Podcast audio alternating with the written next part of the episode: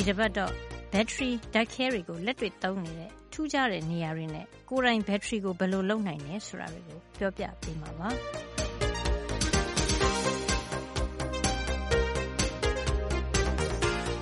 ဘက်ထရီကို ပုံစံမျိုးစုံနဲ့ တွေ့နိုင်ပါတယ်။လက်ပတ်နာရီတွေ လက်ကင်ဖုန်းတွေနဲ့ နားမကြားသူတွေတက်တဲ့ဆက်ကလေးတွေအတွက် သုံးတဲ့ ဘက်ထရီတွေက အသေးလေးတွေဖြစ်ပြီး ကားတွေမှာသုံးတဲ့ ခဲနဲ့ အက်ဆစ်ပါတဲ့ ဘက်ထရီအိုးတွေလို အလတ်စားတွေလည်း ရှိပါတယ်။ အခန်းတခန်းစာလောက် ကြီးမားတဲ့ ဘက်ထရီကြီးတွေကိုတော့ ကွန်ပြူတာ အချက်လက် သိမ်းဆည်းတဲ့ စင်တာတွေ တယ်လီဖုန်း exchange တွေမှာ တွေ့နိုင်ပါတယ်။လူနေမှုစနစ် တိုးတက်လာစေတဲ့ အကြောင်းတွေထဲမှာ လျှက်စစ်ဓာတ်ကို လိုတဲ့အချိန်မှာ ထုတ်သုံးနိုင်အောင် လုပ်ပေးတဲ့ ဒီလို ဘက်ထရီတွေကို ထွင်လာနိုင်တာကတိတ်ကို အရေးပါတယ်လို့ ရူပဗေဒပညာရှင် ဒေါက်တာ ပဒေသာတင်က ပြောပါတယ် ဘက်ထရီဓာတ်ခဲတာအခုအချိန်မှာမရှိခဲ့ဘူးဆိုလို့ရှိရင်လွန်ခဲ့တဲ့အနှစ်200လောက်ကလူနေမှုစနစ်ကိုပြန်ရောက်သွားမှာပေါ့နော်။ဘာလို့လဲဆိုတော့ရေနွေးငွေ့အင်ဂျင်တို့တံပတ်နဲ့ပေးတဲ့နာရီတို့အဲ့ဒီခေတ်ကိုပြန်ရောက်သွားမှာဖြစ်ပါတယ်။ဘာလို့လဲဆိုတော့အခုခေတ်မှာ cellular phone ဆိုလို့ရှိရင်ဘက်ထရီသေးသေးလေးတွေသုံးနေတာ။ကားအင်ဂျင်ဆက်နှိုးတာဘက်ထရီနဲ့နှိုးရတာလေ။နောက် transistor radio မရှိတော့ဘူးပေါ့နော်အခုချိန်မှာအကယ်၍သာဘက်ထရီမရှိဘူးဆိုရင် နောက်ထပ်ဒီအပို့ပြီးတော့စိတ်ဝင်စားဖို့ကောင်းတာနှလုံးယောဂရှိတဲ့လူတွေနှလုံးခုန်လုံးမမှန်လို့ရှိလို့ရှိရင်နှလုံးထဲမှာ pace maker ကိုခွဲပြီးထည့်ရတယ်အဲ့မှာ battery လေးထည့်ထားရပါတယ်အဲအဲ့ဒါမျိုး battery တာမထွင်နိုင်ဘူးဆိုလို့ရှိရင်နှလုံးယောဂဖြစ်ပြီးဆုံးပါတယ်အဲဆိုတော့ဒီ battery ထွင်တာတိတ်အရေးကြီးပါတယ်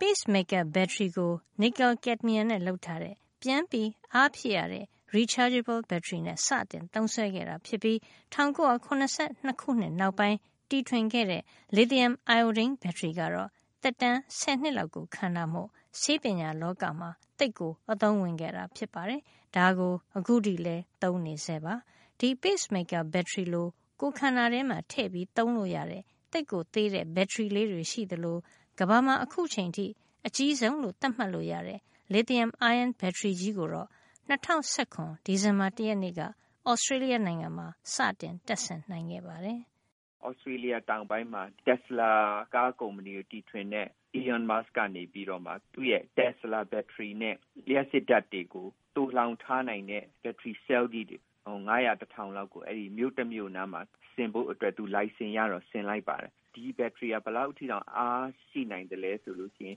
100 megawatt hour အထိသူကလျှပ်စစ်ဓါတ်ကိုပြန်ထုတ်ပေးနိုင်ပါတယ်။အဲဒီလောက်များတဲ့လျှပ်စစ်ဓါတ်ကအိမ်3 4တောင်းရှိတဲ့အဲဒီမြို့ကို နာရီတနာရီစာသူကလျှက်စစ်တက်ပြန်ပြီးတော့ဖြန့်ပေးနိုင်ပါတယ်အဲ့တော့ဆိုလိုတာကဘာဖြစ်လဲဆိုလို့ရှိရင်တစုံတစ်ခုသောအကြောင်းအရာကြောင့်တစ်မျိုးလုံးလျှက်စစ်တက်ပြတ်သွားတယ်မီးမလာတော့ဘူး blackout ဖြစ်သွားတယ်ဆိုလို့ရှိရင်မိနစ်ပိုင်းအတွင်းမှာချက်ချင်းသူ့ရဲ့ lithium ion နဲ့လုပ်ထားတဲ့ဒီ battery ကြီးတွေကနေပြီးအိမ်တွေကိုပြန်ဖြတ်တဲ့ power grid တွေကိုလျှက်စစ်တက်ကိုချက်ချင်းပြောင်းပြီးပို့ပေးနိုင်တဲ့စနစ်ကိုသူလုပ်ပေးလိုက်တာဖြစ်ပါတယ် ဒီ lithium ion battery ကြီးကို အားပြန်ဖြည့်ဖို့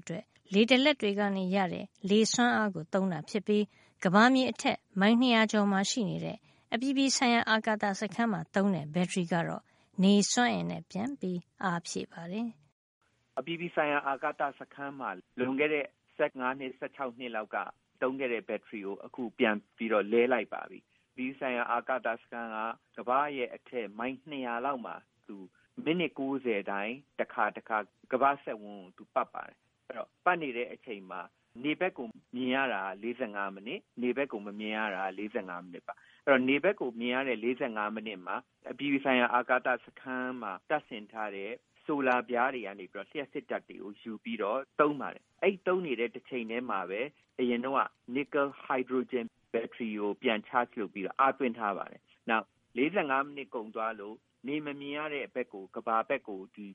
စခန်းကြီးကလာပြီဆိုလို့ရှိရင် ဆိုလာပြားတွေကနေတုံးလို့မရတော့ဘူး နေမရှိတဲ့အတွက် အဲဒီ45မိနစ်လုံးလုံးတင်ထားတဲ့တုံလောင်ထားတဲ့ ဘက်ထရီတွေကနေပြီးတော့စကန်းကြီးတစ်ခုလုံး ဆက်ပြီးတော့ လျှက်စစ်ဓာတ်ပေးပါတယ် အဲ့ဒါ18နှစ်ကြာသွားပြီဖြစ်တဲ့အတွက် သူ့ရဲ့ ဘက်ထရီက ဟောင်းသွားပြီဆိုတော့ ဒီ nickel hydrogen battery ကိုပဲ ပြန်သုံးမလား lithium ion battery ကို သုံးမလားဆိုပြီးတော့ စဉ်းစားတော့ lithium ion battery ကို သုံးပါတယ် lithium ion battery ကအမှန်ဆိုရင် U battery တွေအများကြီး ပေါ့ပါတယ် သုံးပုံတစ်ပုံလောက်ပဲ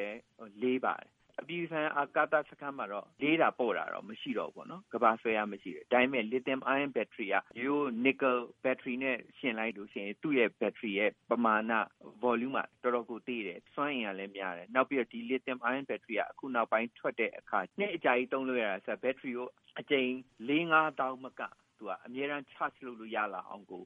တော်တော်ကိုတိုးတက်လာတဲ့အတွက် lithium ion battery ကိုလွန်ခဲ့တဲ့၆လ၇လလောက်ကအပြည်ပြည်ဆိုင်ရာအာကာသစခန်းမှာအကုန်သွားပြီးတော့လဲလိုက်ပါပြီ။ဘက်ထရီကိုကိုယ့်အိမ်မှာကိုယ်တိုင်သုံးဖို့လုပ်နိုင်ပါတယ်။ခက်ခက်ခဲခဲရှာစရာမလိုတဲ့ပစ္စည်းလေးတွေနဲ့ဘယ်လိုလုပ်နိုင်တယ်ဆိုတာကိုကြည့်ရအောင်ပါ။ကိုယ့်အိမ်မှာကိုယ်ဘက်ထရီလေးစောက်လို့ရတယ်။ဆိုင်မှာတော့ဝယ်စရာမလို ဟိုလက်တီးစုပ်လောက်မရှိတရှိအာလူဖြစ်ဖြစ်တံမယာသီးဖြစ်ဖြစ်ပေါ့အဲ့ဒါလေးကိုတစ်ဖက်ကကြီးပြားဒါမှမဟုတ်လို့ရှိရင်ကြီးချောင်းလေးနဲ့ထိုး သူနဲ့တလက်မလောက်အဝေးပေါ့အဲ့ဒီမှာအာလူပေါ်မှာပဲတွတ်ပြားဒါမှတွတ်နဲ့လှုပ်ထားတဲ့တန်ချောင်းပေါ့နော် galvanite iron လေးကိုထိုးလိုက် zinc နဲ့ copper နဲ့ပေါ့နော် copper copper zinc zinc ဆိုသုံးလို့မရအောင်နော် electrolyte က iron တွေကဘယ်ကိုသွားမှမသိဘူးမသွားတော့ဘူး chemical မတူရဘူးလေတော့မတူတဲ့ nature ထဲမှာမှာအဲ့နှစ်ခုကိုမီလုံးလေးဖြစ်ဖြစ်အိမ်မှာရှိတဲ့ LED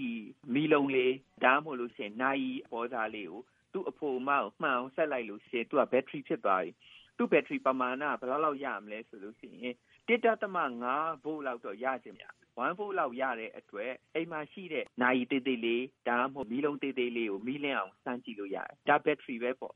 ဒီအာလူထဲမှာတံမြာသီးထဲမှာကန့်ငရဲမီးလိုဟာမျိုး acid တစ်မျိုးပါတယ်ဟိုငရဲမီးလိုတော့မဟုတ်ဘူးကန့်ငရဲမီးမဟုတ်ဒါပေမဲ့ तू က acid တစ်မျိုးပေါ့တံမြာသီးဆိုလို့ရှိရင်ဒါရေနဲ့ acid ပဲလေ citric acid လေ အဲ့တော့ အဲ့ဒီ acid တစ်မျိုးပါတဲ့အတွက် သူက electrolyte ပေါ့နော်ကျက်လိုက်ရေဖြစ်သွားတယ် အဲ့ဒါကြောင့်ဓာတ်ခဲလေး လုပ်ယူလို့ရတာပါ